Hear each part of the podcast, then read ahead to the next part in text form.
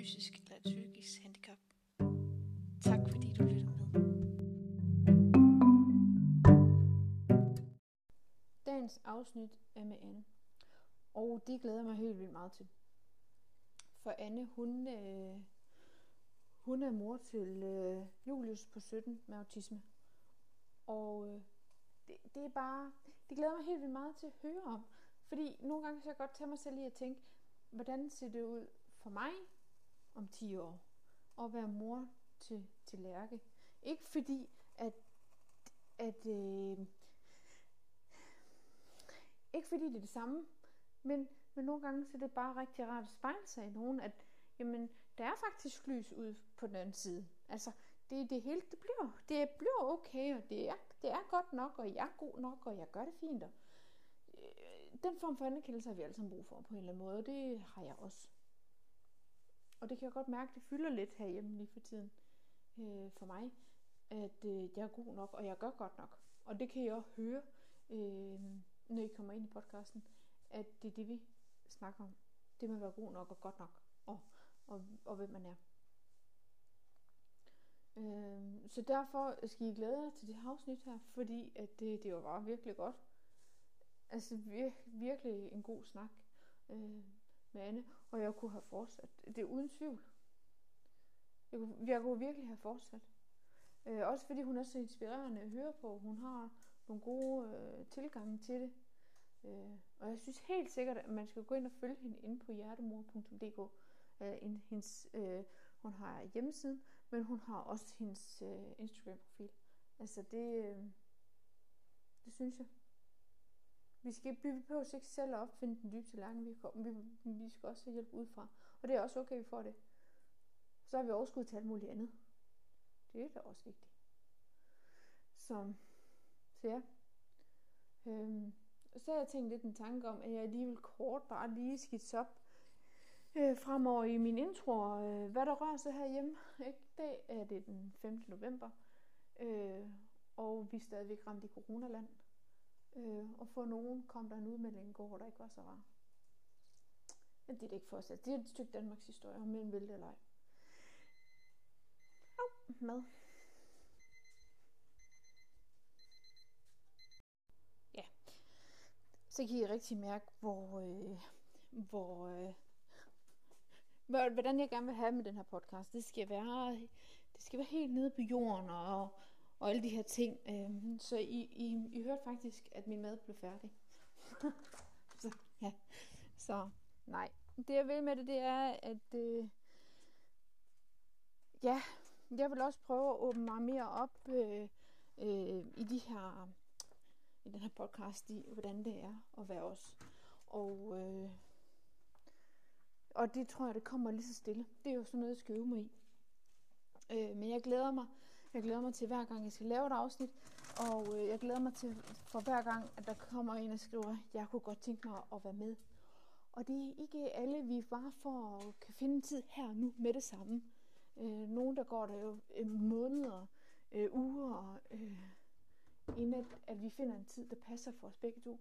Fordi vi skal, vi bruger altså en time på det her, og det er pisse hyggeligt, og det er pisse dejligt.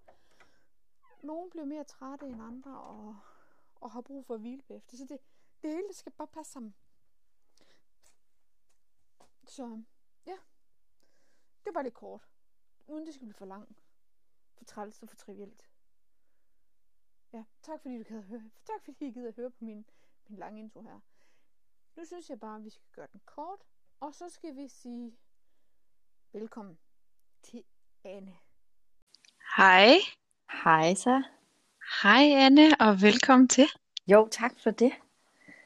Og øh, det her, det er jo, øh, vi tager det her i one take, og jeg, jeg gør ikke noget ud i at prøve at klippe og redigere, altså ringer det på døren, eller der falder et barn, eller gør et eller andet, så selvfølgelig. men, men ellers så er det her lige så øh, live, som det kan være, uden at være live, hvis du Yes. forstår, hvad jeg mener. Ja. det er så fint. Det er godt, perfekt. Det er super spændende for dig med. Det er jeg rigtig glad for. Det er jeg bestemt også. Anne, øhm, vi har fundet hinanden på Instagram, Det har jeg. øh, hvor du faldt over min podcast. Mhm. Eller profil, eller hvad man kan kalde det. Ikke? Øh, og du har en søn med autisme. Det har jeg, ja. Og det var en af udslagene for, at øh, du sagde, at du gerne ville være med i den her. Mm, ja, lige Mm. Vil du fortælle lidt om jeres familie? Ja, det vil jeg gerne. Det er jo et bredt spørgsmål at få stillet. vi er en stor familie. Ja. Øh, vi er, øh, min søn, som det her jo primært handler om, øh, Julius, er, er en stor dreng. Han bliver 17 lige om lidt. Og, og bor faktisk aktuelt ikke hjemme. Han er, går på sådan et år mellem efterskole og inden vi skal i gang med at søge hans STU. Så kun hjemme hver anden weekend. Det er ret specielt. Ja, Men øh, foruden Julius, som, øh, som sådan, hvis man kigger på det biologisk set, så er han jo kun min. Men, øh, men det tænker vi ikke sådan så meget over i hverdagen derhjemme. nej. men, øh, men, men min mand og jeg har der foruden øh, to små. Så Julius har to lillebrødre. En på knap fem, og så en, der bliver et år lige her om et par uger. Ja. Så det er lidt en blandet flok, vi har. Ja, der er... Med, med stor spredning. aldersspredning. Ja, det er der. Yes. Ja, Ja. Øh, og det kom så egentlig af, at, øh, at da Julius han var mindre, der var jeg meget, øh, meget sådan fast på, at jeg skulle ikke have flere børn. Ikke Ja. fordi jeg ikke synes, det var fuldstændig fantastisk at have Julius, men, øh, men det har krævet meget, og, og han har virkelig haft brug for, at, øh, at, at han havde mig alene, så at sige. Øh, han havde brug for, at, øh, at fokus var på ham, og, og at han skulle hjælpes videre og godt i livet. Så det var først, da han var 12, at jeg sagde, okay, så gør vi det. Nu får vi nogle flere. ja, altså der kunne du mærke, at der var han klar og Ja. rumme til at få, øh, Ja. at der var kom nogen og tog en plads i din liv. ja lige nøjagtigt. Ja, og også at jeg sådan med god ro i maven kunne sige, men nu, nu kan jeg godt dele min opmærksomhed. Det er mere, end, øh, end hvad almindelig liv og hverdag jo kræver af os. Øh, men, øh, men det der med tidligere have fået nogen, det, øh, det er jeg er glad for, at vi ventede. Ja. Ja. Så, og så har det jo bare været fantastisk, at det så er gået så, så godt. Altså, og det er det virkelig. Han er en vidunderlig storbror. Ja, jamen det er værd, han er nået dertil i sit liv, da han blev 12, at han havde et, en form for overskud til at kunne rumme øh, Lige så små. Ja, Ja. Og også at rumme den forandring. Det er jo enormt svært med, med de udfordringer, han har, når tingene ikke er, som de plejer. Og det er altså, jo, øh, Ja. kæmpe. ja, Ja. er stor indgriben lige pludselig at skal forholde sig til mindre søskende og nye positioner i familien og så videre. Ikke? Så, Ja. ja. Hvornår kunne du mærke på Julius, at han, øh, han havde noget med sig, som var lidt ekstra? Åh, oh, det kunne jeg. Altså, når jeg ser i bagspejlet, øh, med den viden, jeg har i dag, så er jeg klar over, at der begyndte at ulme noget allerede i dagplejen. Okay. Men, øh, men det er først, da han er sådan i slutningen af børnehavealderen, øh, og da han begynder i, i 0. klasse, at jeg tænker, okay, det er rigtigt det her. Der, der er noget, som vi er nødt til at skal, skal have fundet ud af, hvad er, fordi han har brug for noget mere hjælp. Ja. Øh, men i bagspejlet, der, jamen, allerede da han skal af med blæn, øh, og, øh, og det der med at prøve at komme på toilet og sådan nogle ting i dagplejen, der havde han jo nogle voldsomme reaktioner i forhold til, hvad man ellers kan forvente at se fra børn, fordi han blev simpelthen så bange for, for de mindste forandringer. Øhm, men øh, han var jo min første. Jeg vidste ikke bedre, så jeg, Nej. jeg støttede ham jo på det bedste, jeg kunne på det tidspunkt, men, men jeg kan jo se i dag, med den viden, jeg har i dag, at sådan skal børn jo ikke reagere ved, ved den type forandring. Jeg tror nogle gange, at det er, øh, fordi øh, min datter, hun har ADHD, og hun er Ja. også øh, den første øh, af min. Øhm, og jeg tror måske nogle gange, det er godt nok, de kommer som den første. Ja, det kan du have ret i. For, øh, jamen det, det er fordi, at jeg, jeg synes, at jeg lærte meget øh, om mig selv også på den Ja. rejse, vi har været på. Ja, for søren. Øhm, på et tidspunkt for, det er ved at være en hel del år siden, der var en, der introducerede mig for et perspektiv, der hed, at, at børn de vælger deres forældre. Ja, Øh, og det har jeg virkelig taget til mig. Om det er så i kraft af, at jeg har fået lov at være mor til Julius, eller hvad det er, det ved jeg ikke. Men det, men det har gjort en forskel for mig. Øhm, at tage de briller på, der hedder sig, Gud, hvorfor har Julius valgt? Hvad er han for at lære mig? Ja. Øhm, på en eller anden måde, så har det gjort mange ting lettere øh, på den her rejse. Ja.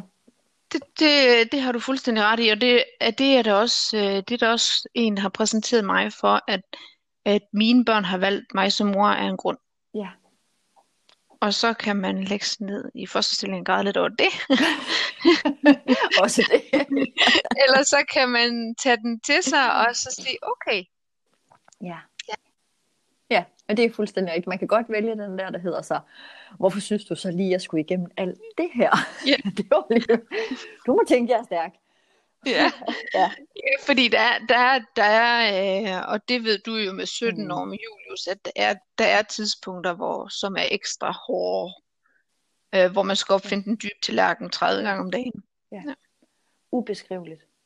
Øh, jeg tror ikke, uanset hvor meget man prøver at forklare det, øh, og fortælle om episoder, at medmindre man har prøvet det, at man, man kan forstå de følelser, der er på spil, når man, øh, når man står med sit barn, der har det så svært. Ja.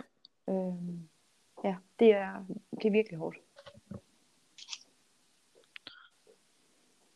Det er, øh, det er noget helt specielt, og øh, det er berigende, og Mm. ja, og det er hårdt. Ja. Ja. Ja. Da du øh, mødte din mand, Mm. øh, hvad sagde han til at komme ind i en, i en, en lille familie, som var så struktureret? øh, det er sådan lidt, øh, lidt en sjov historie, jeg skal svare på, fordi første gang, jeg møder min mand, øh, det er faktisk fem år før, at vi egentlig bliver enige om, at, at nu skal vi være altså, rigtig finde sammen og have en familie. Øhm, og på daværende tidspunkt var jeg i den her fase, som jeg fortalte om før, i forhold til Julius, at jeg var ikke klar til at lukke nogen ind og ville noget. Øh, så vi prøvede det her med date og kæreste og, øh, og snakke om, om det skulle være mere. Men, men han var meget ærlig omkring, at han gerne ville have børn og bo på Ja. landet og have en hund og alt det der. Øh, og det gjorde jeg bare, gik 100 skridt baglæns og sagde, men det, det kan jeg ikke. Så må jeg, må jeg give Julius den start på livet, han skal her være det for ham, og så må jeg lege i Pray Love om 30 år, og så gøre noget godt for mig selv, når den tid kommer. Der var virkelig i sådan mange år i fase, at jeg tænkte, at det, det er sådan, det må være, og så, øh, og så må alt andet vente. Ja. Og så ville skæbnen, at altså, vi bliver sådan ved med småt at have kontakt, men, men afbryder vores forhold øh, på grund af det. Øh, og så fem år senere, så begynder han at spøge igen.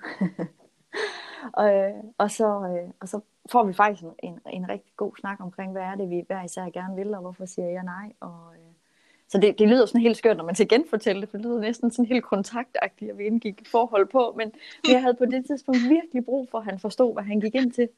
Ja. Øh, jeg har selv en tarmsygdom, som på det tidspunkt øh, altså, gjorde rigtig, rigtig meget i forhold til min, mit liv, og den måde, jeg kunne føre mit liv på. Det har jeg gudskelov fået meget styr på i dag. Øh, men, men det at have en tarmsygdom som kvinde, og skal have en ny mand, og samtidig have et barn, som har det så svært, og, og hvor vi lever et liv markant anderledes, end hvad man sådan vil kalde almindeligt i, i gåsøjne. Øh, der er jeg simpelthen brug for at sige til ham, prøv at vide du, hvad du går ind til. Du siger, du kan lide mig, og du vil gerne have børn med mig. Er du Ja. sikker? Ja. øhm, og, der, og der vandt han mig på en sætning. Øhm, ved at han sagde til mig, prøv at høre, hvis, hvis der er nogen, der er blevet skræmt af det før, så er det bare, fordi du aldrig har mødt en rigtig mand. Wow. Ja. Sådan. Godt så. Øh, Ja. Og så gik der et halvt år, så købte vi hus, og så gik der et halvt år, så gik vi i gang med at få flere børn. Og så har det bare kørt derud. Fedt. ja, og han har bare, altså, ej, han har været et godt indslag til, til Julius, det har han virkelig. Ja. Øh, også, som du siger, de her poler, mega hårdt. Fordi Ja. der er jo hele det her spekter med at være stedforælder eller bonusforælder. Øh, hvordan elsker man et barn, man ikke selv har bragt til verden, man lærer at kende Mm. den alder, og et barn, som så tænker og handler markant anderledes, end hvad man måske ellers har set og været vant til. Ikke også? Øhm, Ja. det, det, det har vi Det er så her, at, øh, at jeg øh, må ty til, jeg bliver nødt til at klippe og klistre i det her. Der gik simpelthen noget galt med lyden mellem Anne og jeg. Og sådan er det. Det her det foregår over telefonerne, World Wide Web. Hun er i Nordjylland. Jeg er Syd- og Sønderjylland. Så ja, så vi prøver igen. Hej. Hej igen. Hej. Jeg ved ikke lige, hvad der skete. Det ved jeg simpelthen heller ikke. Jeg tænkte, det er skæbne, når man siger, det skal være one take. Og jeg var ikke, gud, er der nogen, der har pillet med mit headset, så den er blevet Ah, stykker. Og så jeg tænkte, uh, jeg skulle lige skifte ledning og sådan nogle ting, fordi, nej, ja, det virker også lidt løst, du ved, ikke? og jeg sad bare og snakkede og snakkede, så tænkte jeg, det bliver godt nok stille. Det er, Ja. jeg siger noget, der lyder dumt. Så nu, nu prøver jeg med øh, mine earpods, og så må lyden bare blive sådan som det er. Så. Ja, ved du hvad, det, øh, vi gør det så godt vi kan. Der er corona, det er simpelthen det. Ja, ja det, kan kun, det, kan kun blive, det kan kun være det. Åh oh, ja, nu kan jeg, jeg komme fuldstændig fra, hvad vi så snakket om. Så, Jamen, du, ja. ja, øh, yes, øh, du snakkede om dengang, at han kom ind i, i jeres liv, og I begyndte at stifte en familie. Ja, det er fuldstændig rigtigt. Og jeg tror, det jeg var ved at dele med dig, det var, øh, det var, at han egentlig var meget afklaret med, hvad han gik ind til. I hvert fald sådan i det omfang, man kan. Ja. Men øh, og, øh, det er jo at det er jo også svært at begribe på forhånd, hvad det er, man går ind til af den slags. Øh, og jeg vil sige, at vi har ikke fundet sådan de vise sten endnu på den. Vi har, vi har tit stadigvæk rigtig mange diskussioner i forhold til, at øh, hvornår er noget, noget der skyldes øh, Julius' udfordringer, øh, og hvornår er noget, der skyldes opdragelse og forældres generelle uenighed omkring, hvordan skal børn opdrages, hvad skal vi lære dem, hvad skal de have med, og det ved jeg sgu aldrig, om man bare bliver mega god til at navigere i, for det er svært. Ja. Øhm, det tænker jeg også, det ville være, om vi begge to var biologiske forældre. Men, men jeg oplever i hvert fald selv, at, at nogle gange så kommer vi mere i klemme på den der med, hvor, hvor min mand godt kan finde på at sige, jamen, det, men du er også nødt til at være opmærksom på, at du er overbeskyttende over for den her dreng. Ja. Hvor så kommer løvemoren jo frem, og det synes jeg virkelig, man, det er man, når man har et barn. Øh, på den måde. Øh, selvom jo, man jo selvfølgelig prøver på hele tiden at være bevidst om det, så, øh, så simpelthen, det er jeg ikke. Men, men jeg ved nogle ting omkring Julius' udfordringer, hvor jeg bare har så meget erfaring at trække på, at det er sådan her, det må være. Ja. Der kan vi godt nogle gange blive uenige, men, øh, men med årene er vi da blevet bedre og bedre til at, til at snakke om det. Så, men øh, ja, det er en evig, en evig dans, hvis man Ja, kan og- det. Ja, og jeg tænker heller ikke, at dansen blev nemmere ved, at Julius nu blev ældre. Nej, heller ikke. Nej. Fordi der er jo også sådan noget, øh, altså sådan en helt grundlæggende samfundsmæssig forståelse af, at vi er jo vant til at se på børn, som at jo ældre de bliver, jo mere og mere ansvar skal de have, og jo mere og mere kan vi forvente, at de kan indgå i, og vi forlanger, og de modnes og skal ud i samfundet. Øh, og når man er 17 år, og, øh, og gerne vil også ting, andre skal, og hvad navigerer man imod og sådan noget, så kræver det jo, at vi forældre hele tiden vender tilbage til og kigger på hinanden og siger, hvad skal han have lov til? Hvad må han? Hvad skubber Ja. vi ham ud i? Hvad siger vi ja til? Hvad er vores værdier?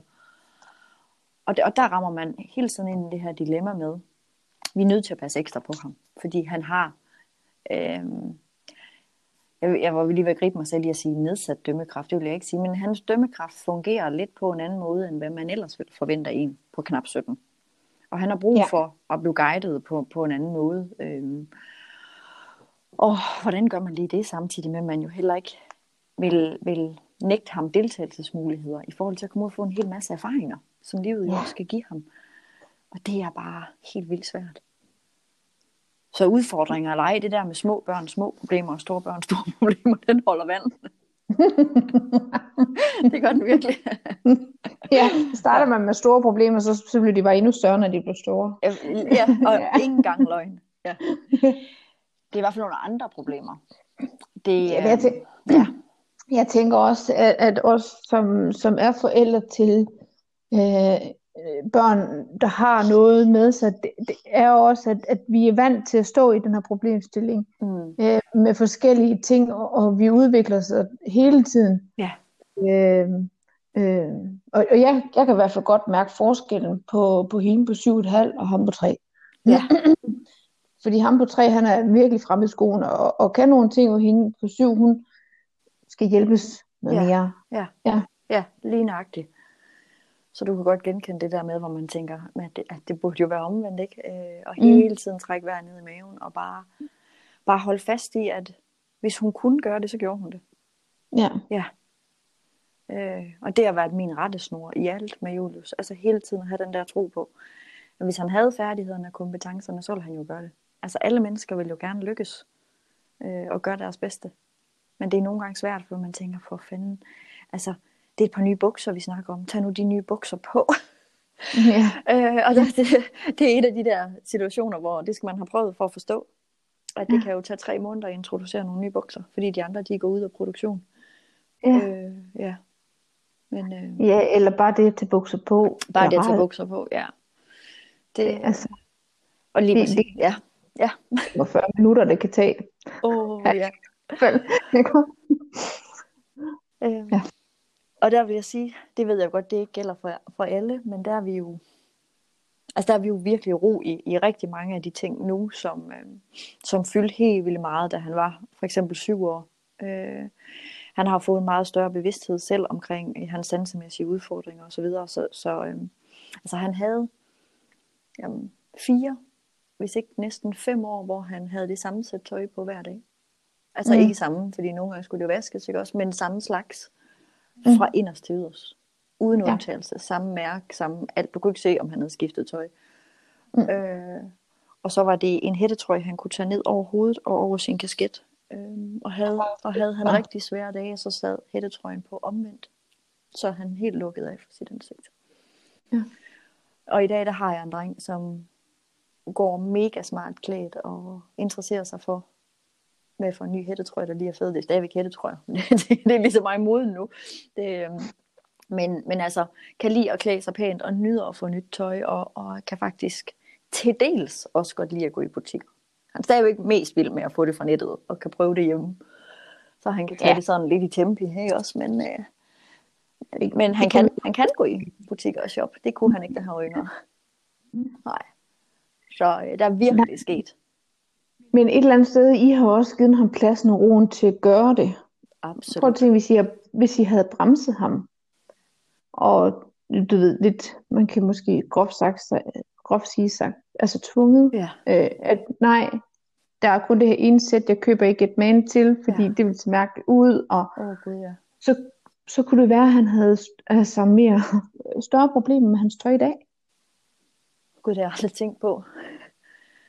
Det tør jeg næsten ikke til. Altså, når du siger det, så tænker jeg, jeg får simpelthen så ondt i maven. Ja, At hvis det er, at vi to vi snakker sammen og, og siger de her ting højt nu, og det kan inspirere nogen andre, så håber jeg virkelig ikke, at der er nogen, der gør det. Altså, jeg kunne Men forestille også mig, lidt- det største overgreb på... Øhm, ja, altså, hvis jeg havde tvunget Julius til det på daværende tidspunkt, så har han gået i fosterstilling og ikke var kommet ud af døren mm. Flere dage.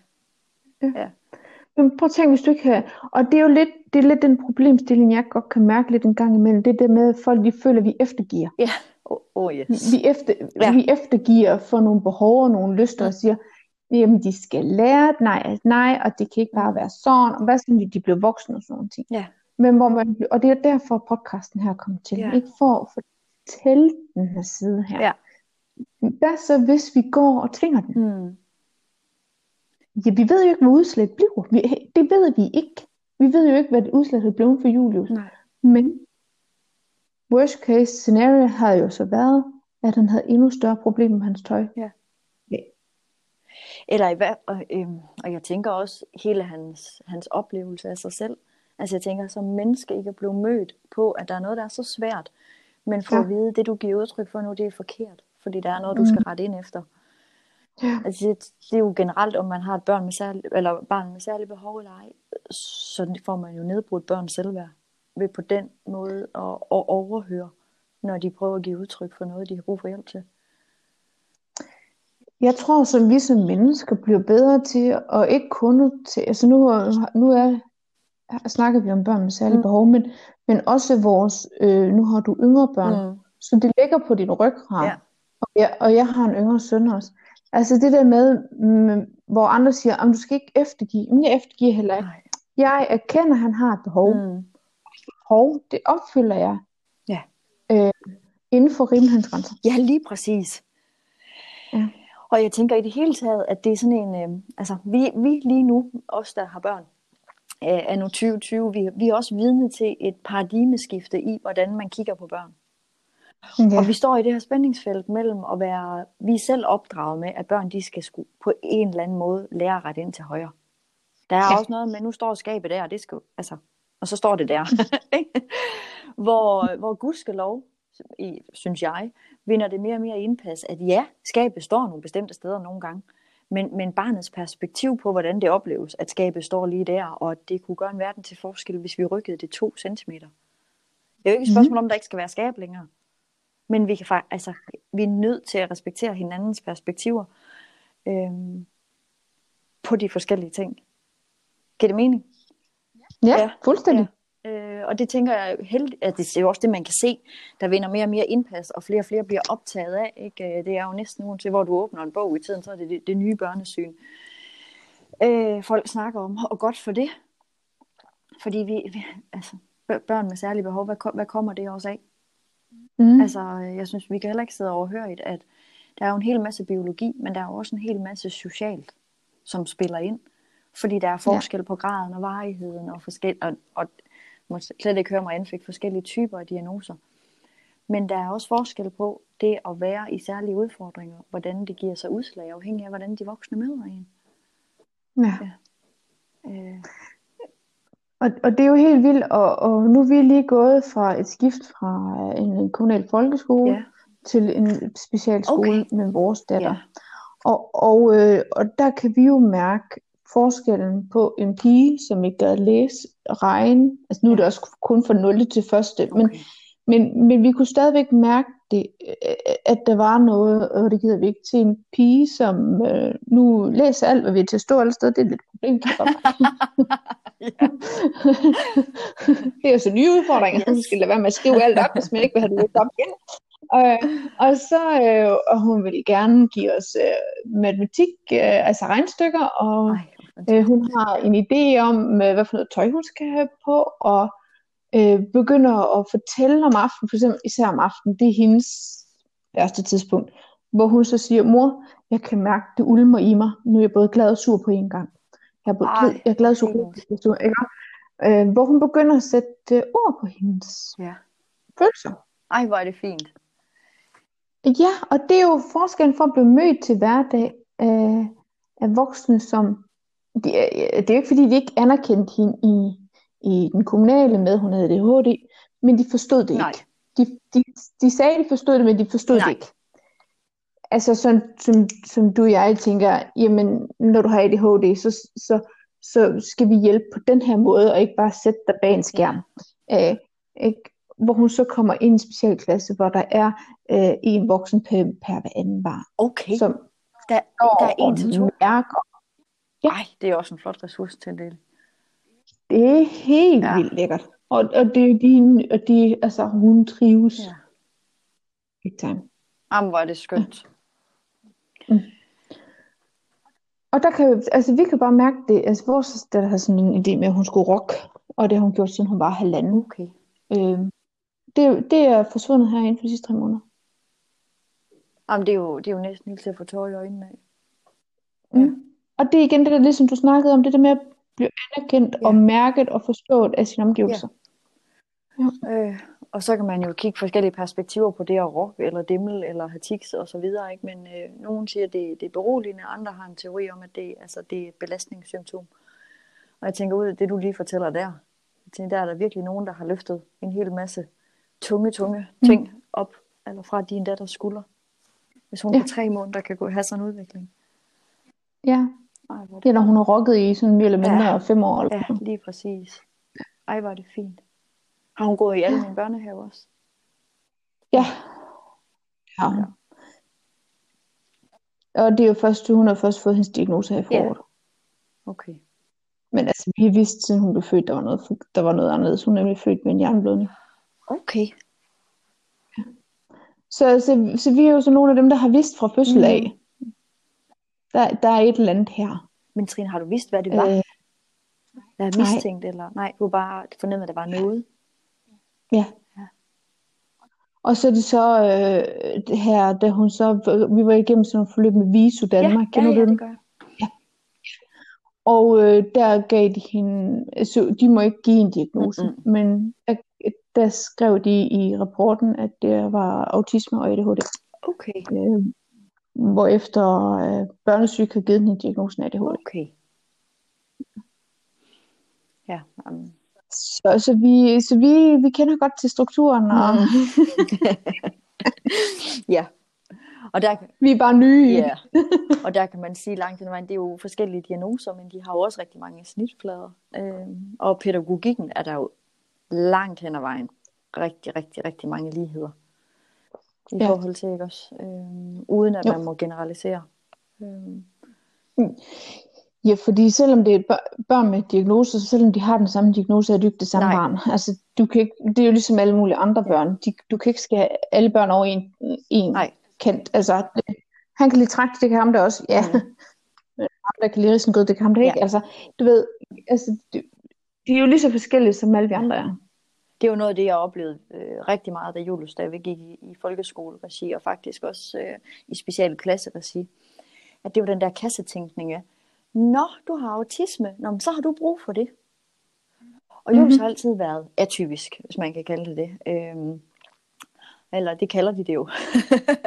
han, har, han, Ja. har, han er endt med nu at have den diagnose, øh, man kalder GUA, som, som i bund og grund ikke er andet end sådan en skraldespandsdiagnose. Når de, ikke kan, når de ikke sådan specifikt kan sige, hvad det er for en type autisme, så giver de det det, de hedder uspecificeret enden.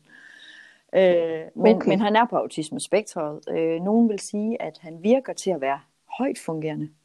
Mødte du Julius, Ja. du overhovedet ikke kunne se, at han har autisme. Nej. Øh, han er veltalende og kan godt øh, langt hen ad vejen vise omsorg og virke empatisk og interesseret og have reflekteret dialoger og, og, og faktisk klare mange ting nu. Altså med den han har nu. Ikke? Øhm, Mm. Men han har massive eksekutive udfordringer. Øh, så altså, hvis jeg beder ham om at finde noget i køleskabet, hvis det ikke står præcis på det kryds, hvor det plejer at stå, altså så er det væk fra hans blik. Øh, og jeg kan ikke Okay. bede ham om at gøre noget, altså sådan planlægge noget, hvor han selv skal udføre, uden han, får, uden han skal have hjælp til, hvilke steps han skal gøre det i. Øhm, hvis han har en dag, hvor han er kørt ned, eksempelvis, øhm, af har været afsted til et eller andet, eller lige kommer og har taget bussen hjem ind for byen, og han siger, puh, jeg er bare sulten. Så jeg vil rigtig gerne tage noget at spise. Det kan jeg ikke, siger han så. Okay. Så er det ikke sådan en, det gider jeg ikke, eller vi har ikke noget, jeg gider, typisk teenager. Så det, han kan simpelthen ikke overskue, hvad han skal finde på Nej. at spise, selvom han er død sulten. Øh, ja.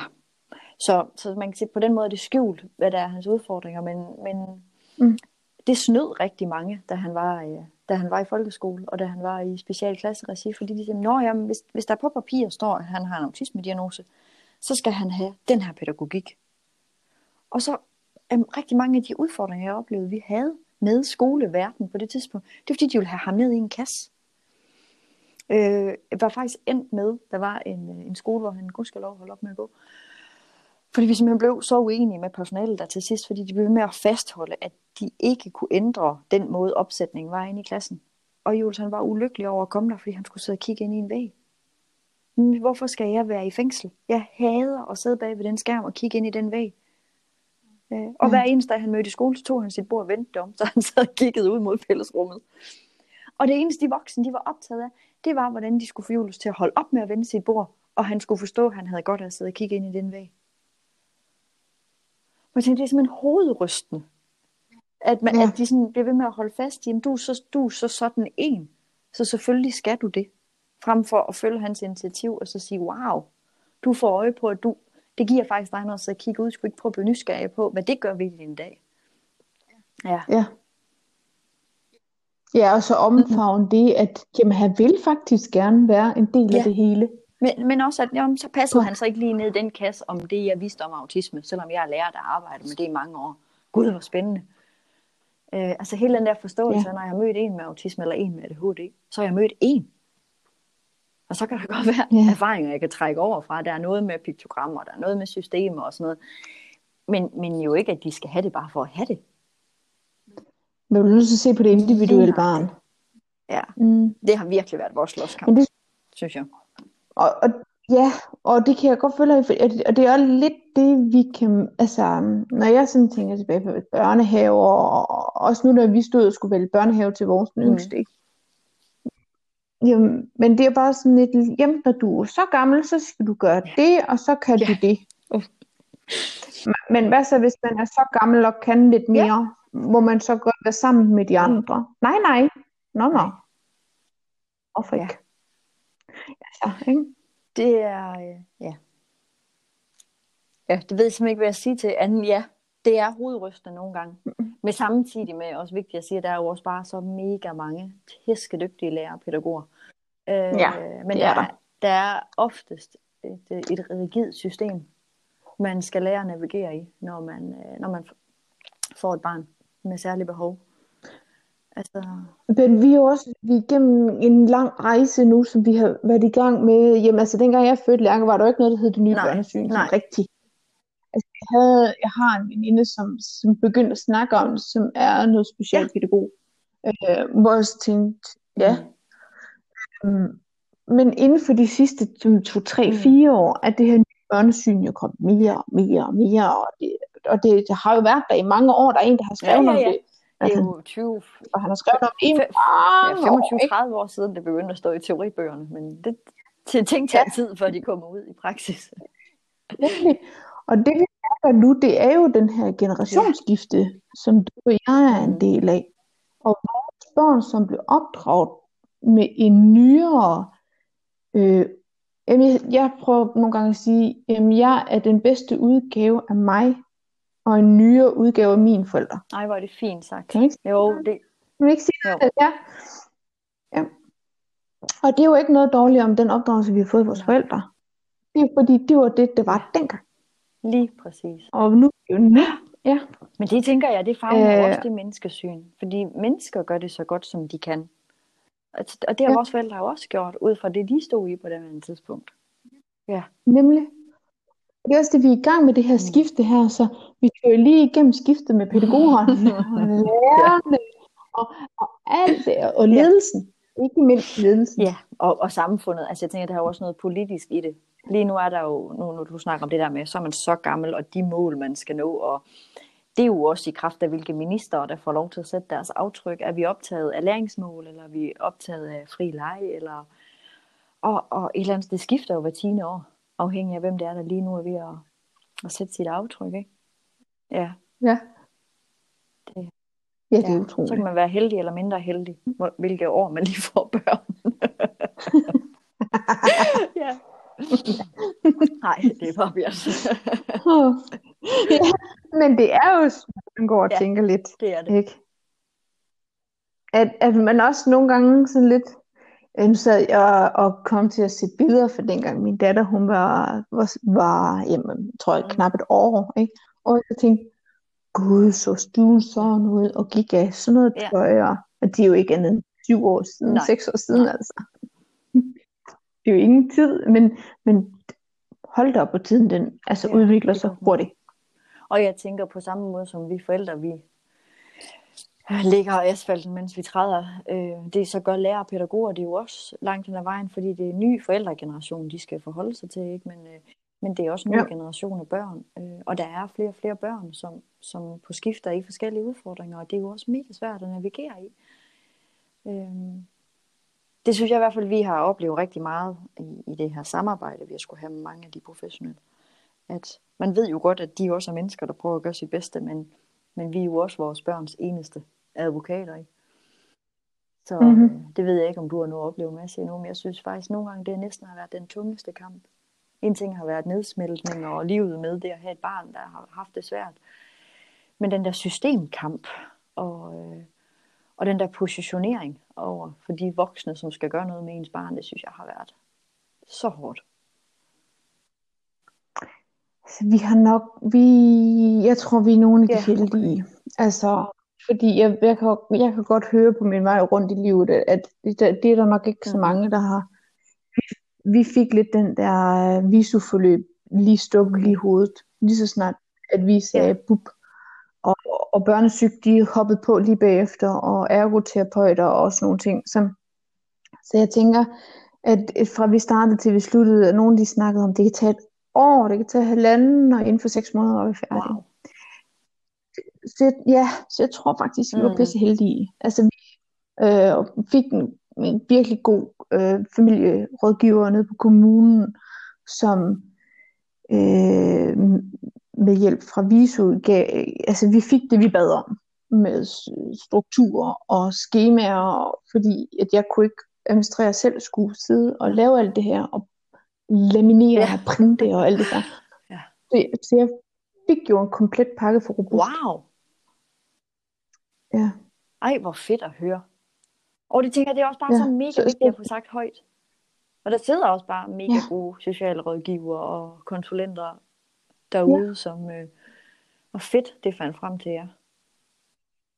Ja, og, og det, er jo, det, var det, det jo det, man hører rigtig mange af de historier, mm. hvor de ikke så, hvor de ikke samarbejder, og det, det, og det er bare rigtig øve at høre på, så man kan godt sidde sådan lidt, mm, jeg føler lidt, vi har Ja. det nemme. så man tør næsten heller ikke at række hånden i vejret og sige, nu skal vi høre en Jo, historie. vel? Det skal vi. Og det skal vi bare huske. Altså, det synes jeg nogle gange, det er lidt det der med. Ja. Vi må ikke snakke om, at det er helt vildt hårdt lige nu, at der er restriktioner i forhold til corona. Fordi vi skal også huske, at der er også nogle andre steder i verden, der har det værre. Og jeg tænkte, jamen, det kan jo ikke Mm. nytte noget altid at skal sammenligne med nogen, der har det meget værre, eller nogen, der har det knap så dårligt. Fordi det der, det er jo jeres Mm. virkelighed og jeres historie. Og den er jo vigtig for jer, Ja, og for at dele med, på, for, med verden også. Øh, ej, jeg synes, selvfølgelig skal I det. Punktum. ja. Hvordan ser du Julius' fremtid? Fordi nu Ja. er han jo 17, øh, bliver 17 lige om lidt, og så bliver han 18, og så, så kan jeg godt mærke, Ja. at, Det, at øh, så bliver det lidt svært at være mor det er igen. helt vildt. Øhm, jeg ser på den lysere nu, end hvis, hvis vi to vi har snakket sammen for et år siden. Så tror jeg, hvis du havde spurgt mig, så havde jeg givet til græde. Øh, Ja. Der er nok ikke noget, der har holdt mig mere vågen om natten, end, end det. Øh, og jeg har også mange gange, da jeg var yngre, tænkt at vide, om han nogensinde når til sin voksne år. Øh, fordi jeg simpelthen ikke troede, at han ville kunne holde ud. Så det, er, alt, det har været et meget, meget følsomt emne. Øh, men der er sket helt vildt meget udvikling de sidste par år. Han har været på efterskole. Hvor, øh, og, og lige nu på en skole, som bare er, er fuldstændig fantastisk. Øh, et, en, øh, han er på sådan et år mellem efterskole og ind i STU, det tror jeg, jeg sagde lige indledningsvis. Øh, for, at, for lige at give ham lidt mere tid til at øh, om, modnes, om man vil sige sådan. Men, men få noget mere hjælp til noget daglig livsførsel, inden han skal kastes ud i det, en STU kræver. Og det gør ham simpelthen så godt. Altså, øh, han er gået der siden august, ikke? og han, er, han tager selv offentlig transport fra, han går ude i Lemvig, ude i Vestjylland, til Ja. ja. Aalborg. Og frem og tilbage, han har sågar været inde og skifte tog i Aarhus. Jamen, det er så sindssygt at sige Okay. højt. Og når jeg kigger tilbage i hans papirer, så for tre år siden, der var det en del af hans handleplan med hans støttekontakt fra kommunen, det var at ture og prøve at tage en bus ind til centrum, der hvor vi bor. Så altså, så jeg er meget mere op. optimisme i dag. Altså han, øh, når han ringer hjem ude fra skolen nu, så er det mest for at høre, om ting skal vaskes på 40 eller 60. Så jeg har fået en dreng, der vasker tøj. ja, det er så stort. Wow. Øh, Han er begyndt at lave mad. Og, øh, og fordi at han har fået præsenteret en hel masse af det her praktiske arbejde på efterskolen, så har han opdaget, at, øh, at der er nogle steder, hvor han bare shiner, og hvor han bare synes, det er mega fedt at lave noget. Øh, han har fået svejsecertifikat, og han har fået øh, traktorkørekort, og, øh, og håber inderligt på, at kommunen siger ja til, at han kan tage sin STU nede på noget, der hedder Havredal. Nede ved Karup Ja. Øh, næste skoleår. Hvis de siger ja til det, så skal han gå dernede i tre år, og så får han øh, det, der hedder landbrugsmedhjælper. Så det er et drømmen lige nu. Og alt, hvad vi nærmest bruger vores vågne timer på, det er at, øh, at hjælpe ham i den retning. Ja. Ja. Så jeg begynder at se mere og mere lyst på det. Øhm, jeg er usikker på, om han nogensinde når dertil, hvor at han vil kunne bo 100% for sig selv, uden nogen, der var der som livline, eller en mentor, der kommer en gang om ugen. Eller, øh, men vi er gået fra at tænke, at han skulle bo i en boenhed hen over det sidste års tid, til at tænke, ah, det bliver sgu nok egen lejlighed, og måske med en kæreste, og, øh, men med en, der kommer og kigger til ham. Og selvfølgelig også altid med os, ikke også, som jo er der, som hans sikkerhedsnet, men øh, det bliver lysere og lysere. Ja, så, så lidt, altså, vi har alle sammen sådan lidt en romantisk forestilling af, hvordan det er for Mhm. børn, og øh, hvordan Jo. de bliver voksne, ikke? Og, og det er ikke for at træde nogen i tæerne eller gøre nogen ondt, men det er ikke den forestilling, vi har fået. Nej, Så det, du faktisk vej ud i nu, det er en brøkdel af den forestilling. Ja. Et eller andet sted. Ikke fordi, at, at man ønsker vel et eller andet sted, ligesom vi andre, vi fløj for redden og har fået vores familie og børn og sådan nogle ting, så er du på vej ud i, jamen der er nok en kæreste til Han har en kæreste. Uh, vi har en, øh, Vi kan ja, vi har en rigtig sød svigerdatter. Det hedder det jo. Ja. Det- Ja, og det er hun. Og hun er rigtig god for ham. Øhm, og det er, det er fra hans gamle efterskole. Så det er lang distance. De kan kun ses hver anden weekend. Men, øh, men det fungerer. Så, som det nu gør, når man er i den alder jo. Men Ja. ja. Det, øh, så, og det er du fuldstændig ret i, fordi det har vi har jo også på et tidspunkt tænkt at vide, om han nogensinde når til det. Og der vil jeg sige, der har min mand jo virkelig, jamen selvfølgelig gør han det. Han er jo en dreng. Altså, og der, så selvfølgelig får han kærester på den ene eller anden måde, og ja, selvfølgelig. Øh, og han har altid sagt, at han ikke skulle have børn. Det er jo slet ikke noget for ham. Øh, og det er han faktisk Mm. begyndt at snakke om nu, at det kunne da godt være en gang, at han gerne ville det.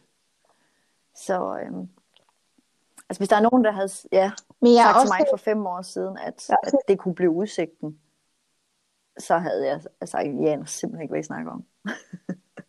Nej. Men det var også Ja. din virkelighed på det tidspunkt. Ja, ja, ja, absolut. Mm. Øhm, men apropos det, du sagde før med, at hvad man sådan havde troet, man fik og sådan noget. Jeg hørte på et tidspunkt en skoleleder. Øh, og hun læste et digt op, og jeg kan ikke huske, hvad digtet hed, men det, der sådan har sat sig spor ved mig, det var et digt omkring, at man køber en billet til en togrejse med en bestemt destination, og har i lang tid planlagt sin rejse, og, og gjort sig en hel masse overvejelser om, hvad man skulle se på vejen, og taget tøj med, der ligesom passede til, til vejrforholdene osv. Og så når man stiger ud, så viser det sig, at man er kommet til en helt anden verdensdel. Og, og det, Mm. det beskriver det simpelthen så godt. Øh, altså den her oplevelse af, at man tror, hvordan, man ved, hvordan det er at få børn, og hvordan rejsen skal være, og hvad det peger hen imod.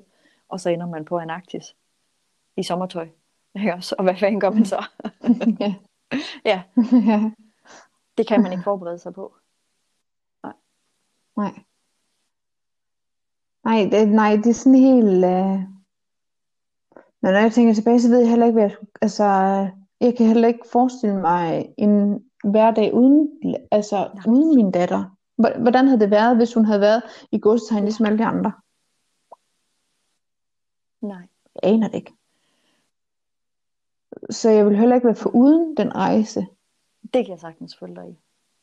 Men det er også den der tro på, at der, der er en mening med tingene. Øh, Mm. Altså nu, når man sådan virkelig giver sig tid til lige at reflektere over, altså, altså jeg var jo heller ikke det sted, jeg er i dag i mit liv, og lave de ting, jeg laver, øh, hvis det ikke havde været for Julius. Altså, jeg har mange gange Nej. sagt til ham, at han er en af de største inspirationer, der nogensinde er landet. Øh, fordi, øhm, jeg, kan, jeg kan næsten ikke begribe, hvad han har lært mig, og hvad han er skyldig i at lave. Jeg arbejder jo også med den slags i dag, øh, og det ville jeg heller ikke have gjort, hvis det ikke havde været for ham. Mm. Så Nej, så han har jo været din, han har været din Ja. muse, hvis man kan sige det på den, din inspirationskilde til, Ja. øh, til dit videre liv, til absolut. dit videre voksenliv. Ja. Og kan man på nogen måde indgyde håb ved de forældre, som sidder lige nu og er ked af det, og opgivende omkring, hvad, hvad skal det der blå, dog blive af? Hvis det på nogen måde kan give en eller anden ro i at vide, at man når til nogle forskellige steps, hvor man sådan tænker, hold kæft, det var fordi, vi skulle have det her med. Okay, det var det, den tid skulle lære os. Selvom det er jo ikke til at se, når man Mhm. står lige midt i lortet, vel? Undskyld mit sprog. øhm, Ja. på ingen måde. Øh,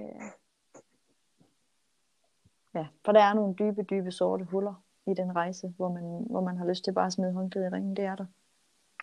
Men øh, Ja. hold op, hvor har det også været givende på alle mulige parametre. Se i bagspejlet. Nemlig, altså når Mm. man kigger tilbage, så, så kan man godt se, at rejsen har været, øh, øh, den, Mm. den, den har Ja. været nyttefuld. Men det ser man ikke, når man står i det. Fuldstændig rigtigt. Øh, Og derfor tror jeg også, det er vigtigt en gang imellem os som forældre, både til, jamen, til alle slags børn. Mm. Altså lige meget hvad for et barn. Nogle gange vigtigt at se tilbage, jamen, hvordan så det ud for et par år siden, eller Ja. bare for fem måneder siden, eller for et år siden. Ikke? Når det så sådan ud, jamen, vi er her Ja. i dag, ja. så har vi jo sådan set gjort. Ja. Vi har jo gjort det godt nok. Ja, Vi er jo det gode er nok. alle forældre gør det bedst, de kan. Ja. Det er øhm, ja, Mm. fuldstændig rigtigt. Det, øhm, jeg har for, for mange år siden startede jeg på at, øh, at skrive taknemmelighedsdagbog hver aften. Øh, jeg fik et FIFA Ja. at man kunne sådan vende. Og det var i, i sådan en virkelig, virkelig sort periode, hvor jeg tænkte, jeg ved simpelthen ikke, hvor det her det ender, og jeg har næsten ikke kræfter til mere. Øh, og så sagde hun, prøv at høre. Man ved, at hvis det er, man hver aften, inden man går i seng, skriver tre ting ned, og prøv, det må være noget så lidt som, at juhu, vi havde spejpølse, jeg skulle smage madpakker. Øh, hvad end det er, man kan finde af små glemt i sin hverdag, og skrive ned, inden man, lige inden man lægger sig til at sove, tre ting, man er taknemmelig for for den dag. Og, og det kastede jeg mig ud i, og ja. har gjort det i lange perioder, sådan on and off siden, og det, det er jo det er 12 10-12 år siden, eller sådan noget, jeg startede med det. Jeg har gemt alle de taknemmelighedsdagbøger. Det er den vildeste ja. rejse, nogle gange, at hive nogle af dem frem, og så tænke, hold kæft. For otte år siden, der den største gave, jeg kunne få, det var, at, øh, at det lykkedes Julius eksempelvis at få bukser på. Eller det lykkedes så, øh, at få børstet tænder, eller vi fik hul igennem til den og den lærer, eller jamen, det er sådan nogle små, det, øh, og så tænk på, hvor vi er i dag. Ja, Ja. Ja. Og hvor han og jeg er i dag. faktisk med Julius om det her, fordi han har lige sendt mig hans ønskeseddel på ønskeskyen til, her til Ja. jul og fødselsdag. Han har fødselsdag i juleaften, så det er en, altid en dejlig lang ønskeseddel, vi får. Eller det er det nu. Ja. Men, men der er tøj på, og der er huer på. Og der genbesøgte vi lige præcis der, hvor jeg siger, Ja. du ønsker dig huer. Forskellige huer. Kan du huske dengang, hvor et? Og så kan han godt selv være med til at reflektere tilbage ja. og så sige ja. Og kan du huske alle de år, hvor vi fik det samme at spise til min fødselsdag? Øh, det skal vi ikke mere. Nu skal vi have noget andet. Og så er han, i dag spiser han jo meget, meget, ikke, ikke meget varieret. Ikke? der, skal, der er vi alligevel ikke endnu, men jo meget mere varieret, end han gjorde, da han var yngre, ikke også? Øh, og det er helt vildt fedt Jo. at kan genbesøge den slags. Øh, så, så det gør han stadigvæk. Og jeg tænker faktisk også, at det er ret fedt med de små nu. At have det der, kan vende tilbage til. Hvad var det? For en små nedslag i vores hverdag sammen, man var taknemmelig for. Ja. Ja. Det, det, jeg, har- jeg har faktisk inde i tieren, der har Mm. der har været sådan nogle små bøger med, med, med er det fire eller fem år tilbage, hvor der Ja. så er en dato for hver. Eller der er, og så er der øh, på hver side er der været fire, Ja. der er plads til fire eller fem år. Og der har jeg faktisk begyndt, og jeg er ikke så god til at holde på datorerne. Så det er mange spring med at Ja. skrive dato ud for at overtale. Så kan man se, Ja. så må man springe i det, ikke? Der har jeg begyndt at skrive, hvad er det bedste, du har gjort Ej, hvor fint. Og så spørger jeg, og så nogle gange, så kan det være, jeg fik lov til at få Ja. min nye trøje på. Eller, du ved, ikke Ja. sådan nogle ting, ikke? Øh, hvor jeg tænker, det er lidt, lidt, det samme, bortset fra det ikke for, for mig. Jeg er ikke så god til Nej. at gøre sådan nogle ting for mig selv. Men det er også en refleksion for hende at hjælpe Ja. hende huske tilbage, øh, hvad der gjorde hende godt. Så det er Lærke, du snakker med om, hvad hun har gjort godt for sig selv. Ja. Nej, hvor er det fint. Ja. For at booste hendes selvtillid. Simpelthen for Ja. at booste hendes selvtillid. Og det er ikke fordi, på nogle punkter mangler den ikke på boostet, fordi hun godt stå for sig og sige, at den lækreste i den her verden. det er jo fedt Ja. at være der som syv år. Ikke? Men, men det er jo ikke kun Nej, den synes, det selvtillid om at synes, at man skal godt. Det er også den selvtillid, Ja. sit indre selvværd, der siger, at jeg er et godt menneske, Ja, og jeg, jeg er har god værdi. som den, jeg er. Og kæft, hvor er det bare en fin Mm. tanke, det der med at få øvet sine børn i. Hvad har du gjort, der er godt for dig? Altså, det er jo hele grunden til, at Mm. jeg har startet. Nu har vi jo mødt hinanden over den, min, øh, min Instagram i forhold til hjertemor. Og det er jo, det er jo rigtig meget min Ja. motivation også i forhold til at starte det. Med at, med at, at få sagt til mødre, på, I, I er simpelthen nødt til at huske jer selv. Øh, og, Ja. og det er jo noget af det, Julius også har lært mig. Som jeg siger, han er med inspiration til, ikke? fordi jeg ved bare, i alle de år, hvor jeg glemte mig selv, fordi jeg var så fokuseret på at give ham nok, så blev jeg syg. Og jeg kunne ikke øh, have det overskud, jeg gerne ville have, og, øh, og jeg kunne ikke slå til, fordi at, at, at jeg kørte død. Altså jeg havde simpelthen ikke, ikke overskud til mere, øh, fordi jeg bare altid kørte på pumperne. Og den forskel, man kan gøre for sine børn, når man er god ved sig selv, Så da du lige startede med at nævne Ja. hæftet, der, der tænkte jeg, ja for filen, det er jo dig som mor også. Hver dag, inden du går i seng, der lige skal spørge dig selv, hvad har jeg gjort? Godt for mig selv i dag. Ja, For det afspejler jo vores unge. Ja. Altså når vi har energi, så kan vi også rumme nedsmeltningerne og rumme alle de der ekstra foranstaltninger, ikke? fordi vi, har, vi er fyldt op.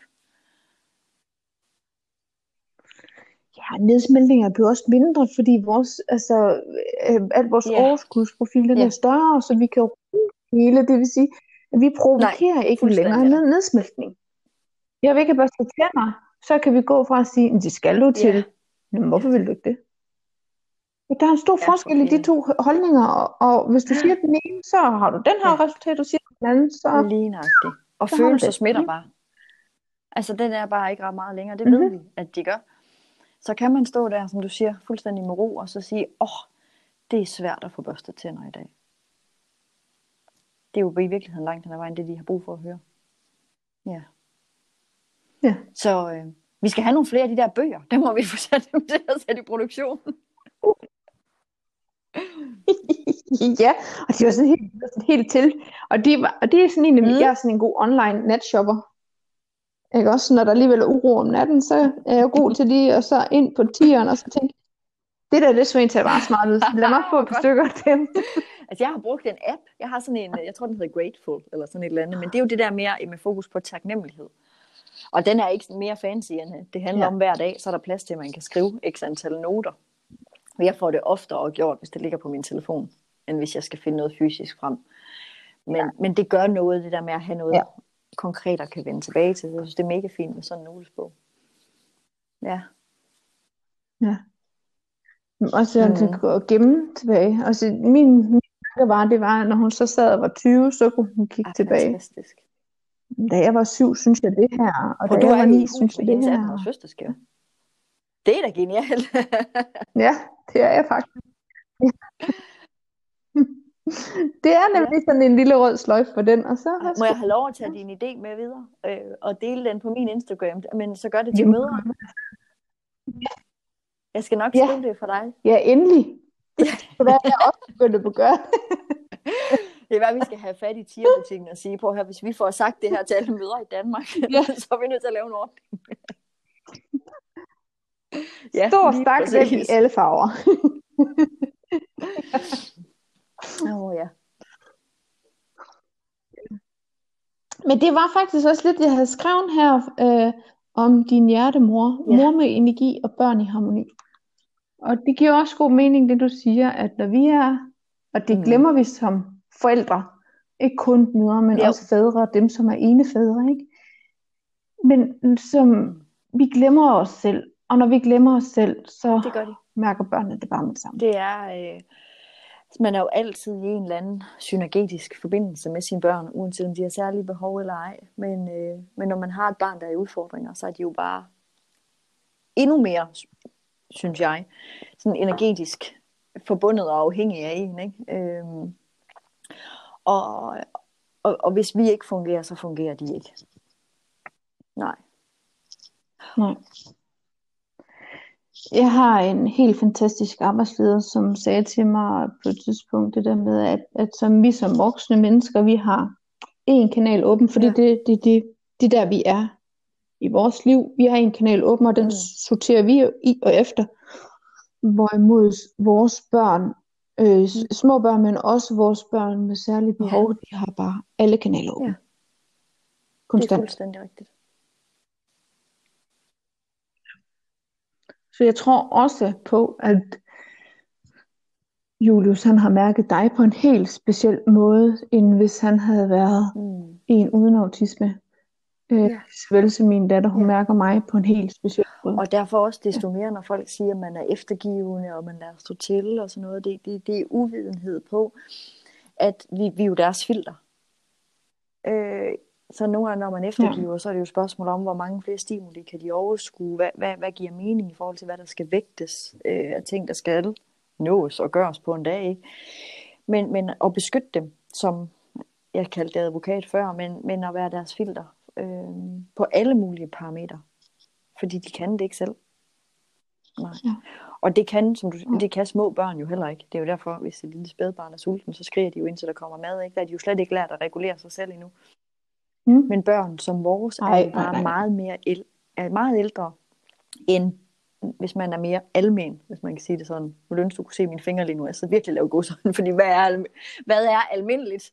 Det, det er jo en lang, spændende snak Ja. også, øh, hvis der overhovedet er noget, der er det. Men, øh, Ja. men det tager længere tid for dem øh, at lære den her effektregulering. Og, og det har man sgu ikke blik for, hvis man ikke har, har forstand på det. Nej. Nej. Nej, eller er åben for det, øh, for at. Jo. der er forskelligheder, ikke? Fordi nu faldt jeg jo over, at øh,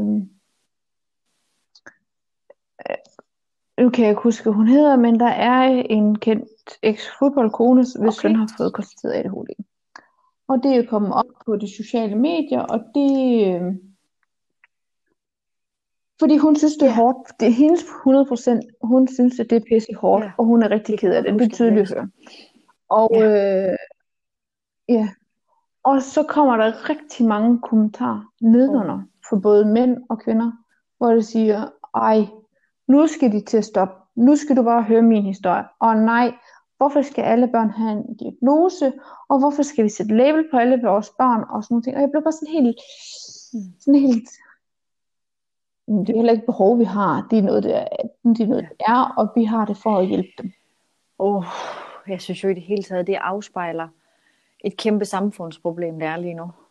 Fordi uanset om vi anfægter, at øhm, forståelsen af vores børn og de forskellige behov, vi hver især har og ser, så er det jo også lige nu, øh, stemmer folk Trump eller Biden. Er man øh, for mundbind eller mod mundbind? Eller det er jo he- he- alle de her modpoler, øh, hvor man har så travlt med, hvad andre er optaget af, og hvad der er rigtigt og forkert. I stedet for at møde hinanden med forståelse og omsorg og jamen, jeg vil til at gå sådan helt hippie i den og sige kærlighed. Men det mener jeg faktisk. Øh, ja. Jeg synes simpelthen, at det er på, jeg håber om noget, hvis der er det her corona, det kan skubbe til, at vi begynder at blive opmærksomme på, at vi skal simpelthen være mere ordentlige. Altså, hvem, hvad bilder man sig ind og sidde bag en skærm og kloge sig på, hvordan det er for en familie, hvis barn, der lige har fået en diagnose, øh, og have behovet for at snakke om sig selv i den situation. Det gør mig så trist. Øhm, Mm. Jamen, der er jo Ja. simpelthen nogen, der går hen og får en dyb, sorg over den det er her kæmpe sorg. Både på ens egen vegne, og det er sgu ikke et spørgsmål om, man er egoistisk. Men det er det på ens egen vegne, men det er det der i den grad på ens Mm. børns vegne. Ja. Øh. Ej, det gør mig så vred at høre, du fortæller det. Altså, hvorfor er det, der ikke bare kan være et kommentarspor af folk, der skriver, hold kæft, hvor er det synd for jer, vi håber jer alt det bedste, eller vi sender jer omsorg i jeres vej. Ja. Ja. En kærlighedskommentarspor, som udhuser alle de dårlige. De må aldrig nogensinde blive offentlige. Åh, det kunne Ikke være fantastisk. på Facebook en blokeringsknap hver der er nogen, der laver hate til hinanden. Ja, Jeg sorterer bare, hver gang der er noget, der Ja. handler negativt, det bare men vi gør det jo på det alle mulige måder, og det er jo også noget af det, jeg er helt vildt optaget af inde i hjertemor. Det der med at få snakket med mødre omkring, prøv at høre, I gør det pisse godt. Altså, så åbner du avisen, hov, nu er dit Mm. barn så gammel, om, har du sørget for, at det kan sådan og sådan, og jeg har lige hørt fra en veninde, de har fået en seddel med fra skolen, Ja. fordi at det er sådan en lang oversigt over, hvad deres barn skal kunne, når de går i, i forskellige klasser. Hvor jeg siger, vi er, vi er så træt, at vi hele tiden skal sørge for, at hinanden ikke har lært det rigtige, Åh, eller kan- langt nok, eller forkerte, og ej, vi, vi skal være meget bedre til at sige, nu er jeg jo så meget optaget af mødre, men det er jo forældre i det hele taget, ikke? I gør det mega godt. Ja. Øhm, og hvis nu man var sikker på, at man blev mødt med omsorg og ordentlighed, så var det måske også nemmere for forældre at sige, prøv at høre, det her det er mega svært. Ja. Ja, Mm. Det er pisse svært. Ja. Jeg, jeg trækker Ja. sådan nogle jeg Nej. kan kort. Jeg ved ikke, om du har hørt dem. Øhm, og, og det er sådan nogle, øh, der står lidt forskelligt på, men jeg tænker også, at man mangler sådan lidt en forælder, en morkort. Ikke? Sådan en. Så trækker jeg kort, og du skal, når du, du skal være helt tro imod dig selv, når du trækker det her kort. Ikke blander, blander, blander, med bagsiden opad. Når du trækker det her kort, så skal du tro på den. Du skal tro på det, du siger. Du skal tage den det til dig, og du skal sige den til dig hele Ja. dagen. Så vender du den om. Yes, og så vender du den om, og så siger du, ja, præcis den, jeg skal Ja. være. Mm. Ja. Selvfølgelig er det. Men så skal du sige det til dig. Du skal se på den, og du skal Ja. sige det til dig. Hele dagen. Og jeg, jeg er helt sikker på, at på den måde, så vokser man også. Fordi, at man har brug for at vide, for at vide, også så- især sig selv, Ja. jeg Ja. er god nok. Ej, det, du vælter ud med gode idéer. Vi skal have lavet morkort. Det er så fed idé. Jamen, vi skal have lavet morkort. ja. Det vil jeg tror, vi kan få Tiger til at producere dem også, eller tiger, eller hvad de nu Jeg skulle finde under. Jeg synes, det er en god idé. Men, men et eller andet sted, den der med at booste, fordi det er jo lidt det, der er i det. Og så også, grunden til, at jeg lavede den her podcast, det var, også brug for at høre fra andre forældre, og de måske... Jeg har også brug for at høre fra andre forældre, hvordan de havde det er at være forældre, mor, far til et Ja. barn, som ikke var som alle de andres børn. Det kan jeg godt forstå. Og det er ikke kun for, ja, og det er ikke kun for at booste min egen selvtillid, for det er det ikke, men Mm. også for at lære lidt mere om mig selv. Høre på, hvad andre gør, fordi det hjælper også mig, fordi jeg er også den overbevisning. Nej. Jeg har ikke behov for at opfinde den dybe tallerken hver dag. Ja. Der er nogen, der har opfundet den for mig, jamen hvorfor skal jeg ikke tage Jamen, imod jeg er den fuldstændig enig. Øhm, og det, det er jo fedt, at der kommer mere og mere fokus på det her felt, fordi at jo mere vi kan få råbt hinanden op og sagt, prøv at jeg forstår dig.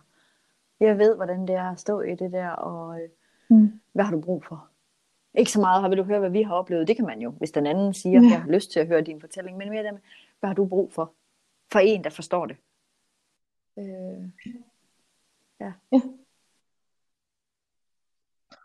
Og det er også det, vi snakkede med vores familierådgiver om inde på kommunen, fordi vi er den første Ja. i vores kommune, der har fået sådan en robust øh, schema, hvor hun så siger, hvor efterfølgende ved, at øh, vi har sådan god Mm. effekt af det, og Lærke, hun har bare taget imod den med samme, øh, så er det faktisk Ja. flere familier i vores kommune, Ej, der har fået lov til at få den.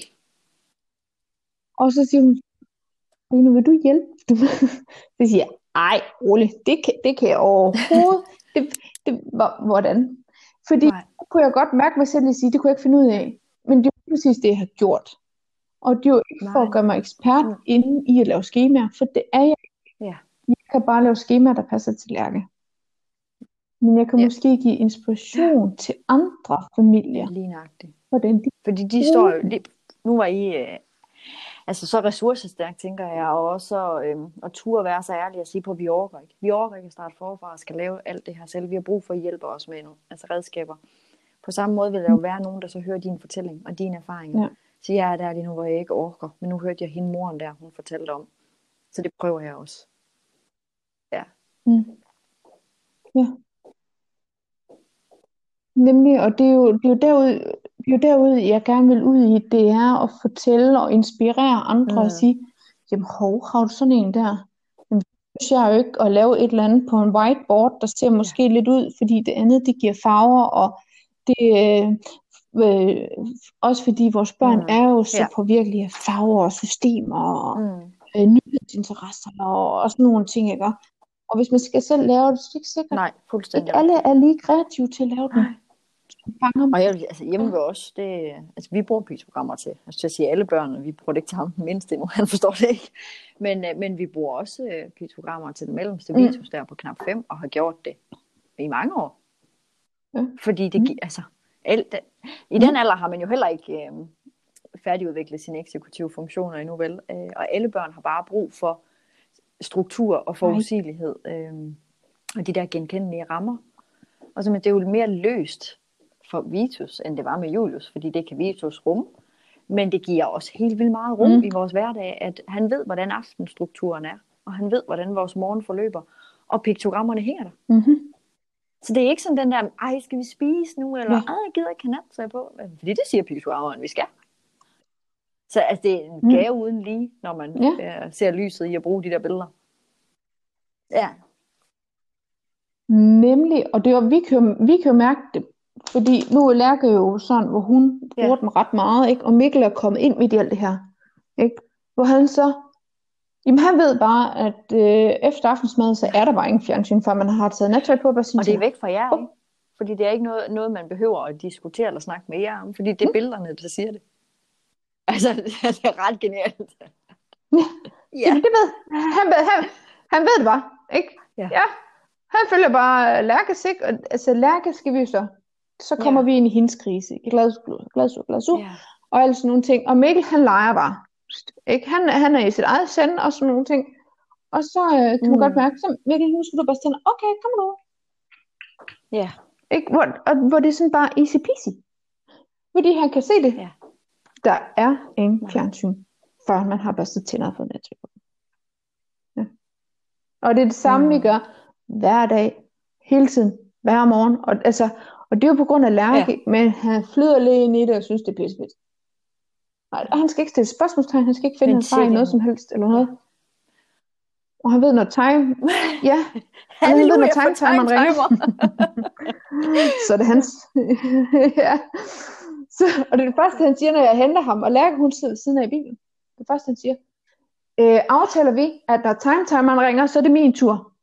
Og når, når han siger sådan, så er det Lige fordi, så er hans tur til for 10 minutter på iPad. Jo. Og han er tre, eller han bliver tre om måneden. det er- Den har Ja, det, er, det er fedt. Og det er jo, jamen et eller andet sted, det er jo også derfor, der er flere og flere almene skoler og almene klasser, som begynder at bruge de her redskaber. Ikke? Øh, Gudskelov bliver det, er det efterhånden ret kendt. Fordi alle børn ja. profiterer jo i større og mindre grad af de her, jo langt hen ad vejen, simple redskaber. Og når de voksne de finder ud af, hvad, hvad man kan gøre med dem, så, så, det, så kan man virkelig komme mange konflikter i forkøbet ved at bruge det. Helt vildt. Man sparer sig selv for rigtig meget tid og energi. Ja, det gør man. Så der, og derfor synes jeg også bare, det er vigtigt at sige, at man behøver ikke have et barn med slet speciel udfordring for Gud at gøre det ikke, her. Det er, jo, det er jo også noget af det, jeg prøver via Instagram at formidle.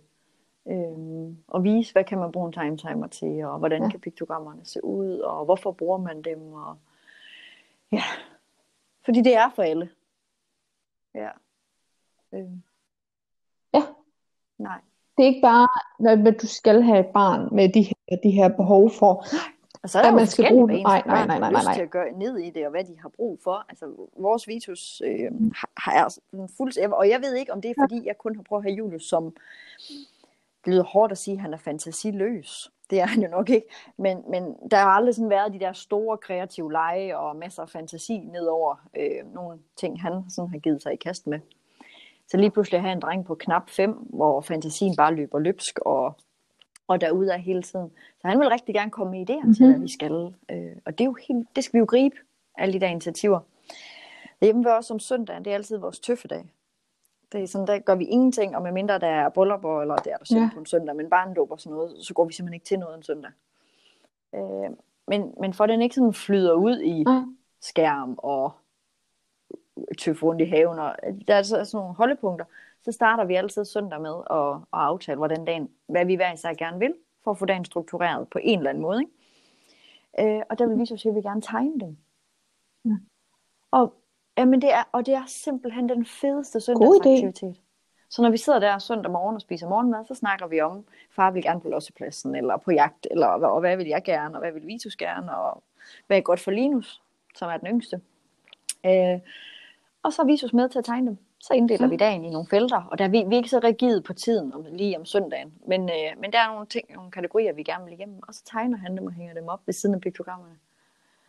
At, og det er jo en fed variant af ikke, at få noget selvbestemmelse Fedt. ind over, øh, men stadigvæk have en fornemmelse af, at dagen fungerer bedst, når vi, vi har en eller anden retning på den. Øh, ja. Og han kan jo så være i, ender det så med aktivitet nummer tre, hvor vi var ude og samle blade ude i haven. Det betyder, at vi ender med at blive derude, fordi vi bare hygger os. Det kan han jo godt være i. Modsat, det vil Julius ikke have kunne være i Ja. i sin tid, vel? Nej.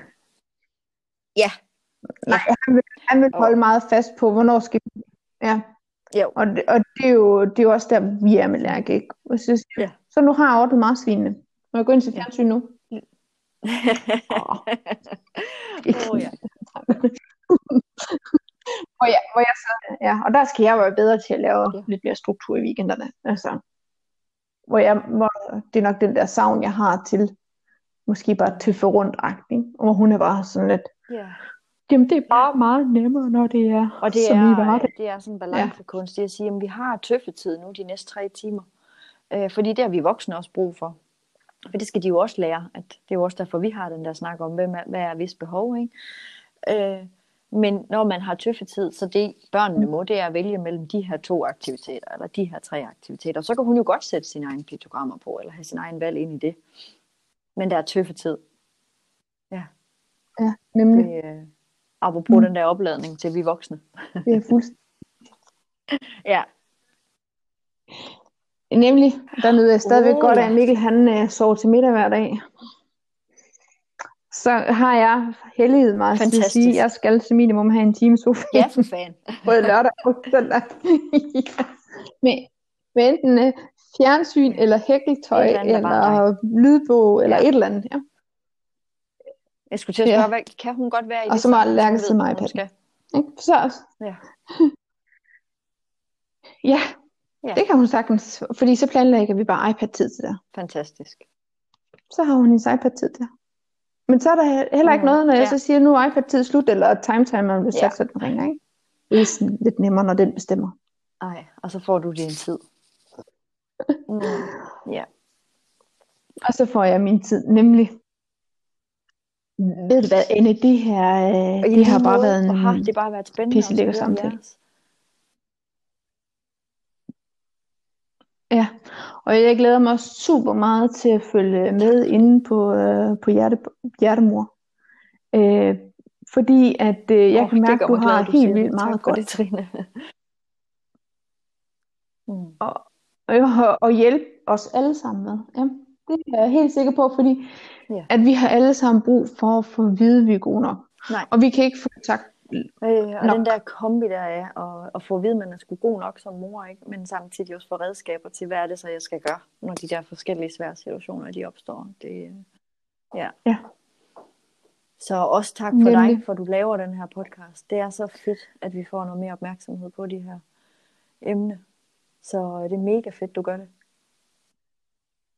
og velbekomme, og, og jeg er også helt taknemmelig for, for dem, der, der er ikke så mange, der har endnu lyst til at være med. Mm. Men jeg tænker, at jo flere vi er, jo flere er der, der har lyst til at fortælle det. Fordi en ting er, at man Mm. deler om det på Instagram eller på Facebook. Øhm, men nogle gange så tænker jeg også, at det er godt at få sagt, Mhm. sin, sagt tingene højt Absolut. i en samtale. Ja. Også for, for at sat tingene i, i perspektiv. Ikke? Jeg håber også, Det det, håber jeg også. inspirerer andre. Jamen, til for, for hver gang der er nogen, der hører en fortælling og kan genkende, gud, det der, sagde hun det højt, det er jo præcis sådan, jeg har haft det, eller det er jo også sådan, jeg har tænkt. Øh, Fordi man tænker jo nogle ting, når man har et barn med særlig behov indimellem, hvor man, hvis der er nogen, der åbner ens hoved, så vil de jo til, hvad er du for en mor? ja, så lad os få sagt nogle flere af de ting højt. Mhm. Ja, Ja. nemlig. Ja, nemlig at, at der ikke, det er, altså, at det ikke er forkert, at man Ja, har det på lige forskellige måder, for vi har alle sammen vores sorte punkter. Øh, og det er pissehårdt, og det er bare ubehageligt, ikke Så sjovt. tak, fordi jeg måtte være med. Og jeg siger tak, fordi du vil være med, Ja, og, og jeg, ja, som sagt, jeg glæder mig mega meget til at følge dig. Og ja. Ja. Så, så jeg tænker, vi, vi slutter den her, Anne, og så, Og i øh, lige måde. Og så siger jeg bare mange tusind tak, fordi du vil være med. Det er godt. Ha' det godt, Trine. Det synes jeg, vi skal. Tak. Hej, hej. Det er godt. Det var som en snak med Anne. Det var simpelthen godt. Det var virkelig godt. Det tror jeg også, jeg sagde i, i introen. Hvis jeg ikke har sagt det, så er det godt. øhm, hvis jeg kunne, så udgav jeg et afsnit om ugen. Men det kan jeg ikke, som det ser ud lige nu. Jeg er super heldig, at jeg kunne udgive en i sidste uge. Det var det afsnit med Pernille.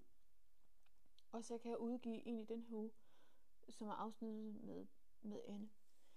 Øhm, og så vil drømmen jo være, at jeg kunne udgive en igen i næste uge, og i næste uge igen. og- men det kan jeg ikke. Jeg kan, det er ikke muligt for mig. Jeg har fuldtidsarbejde, og øh, det, det skal passe ind det hele. Og øh, ofte så laver jeg øh, optagelser, når jeg har fri fra mit arbejde. Øh, så så nogle optagelser, altså nogle gange så optager jeg øh, flere dage, altså øh, hver dag flere dage streg, og andre gange så går der jo mega lang tid imellem. Her sidst har det jo gået næsten 5 måneder, ved der er andre ting også, der har fyldt. Så med min ønske er, at øh, at kunne optage, altså jeg har et afsnit om ugen. Men øh, lige nu er mit mål bare, at hvis jeg kunne nå op på øh, fire afsnit mere i år, øh, så jeg har en hel sæson. Altså, det kunne være fedt.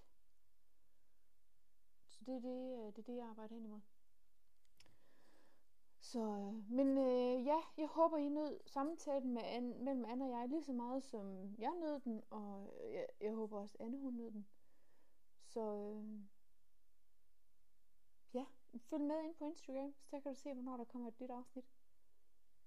Vi høres ved.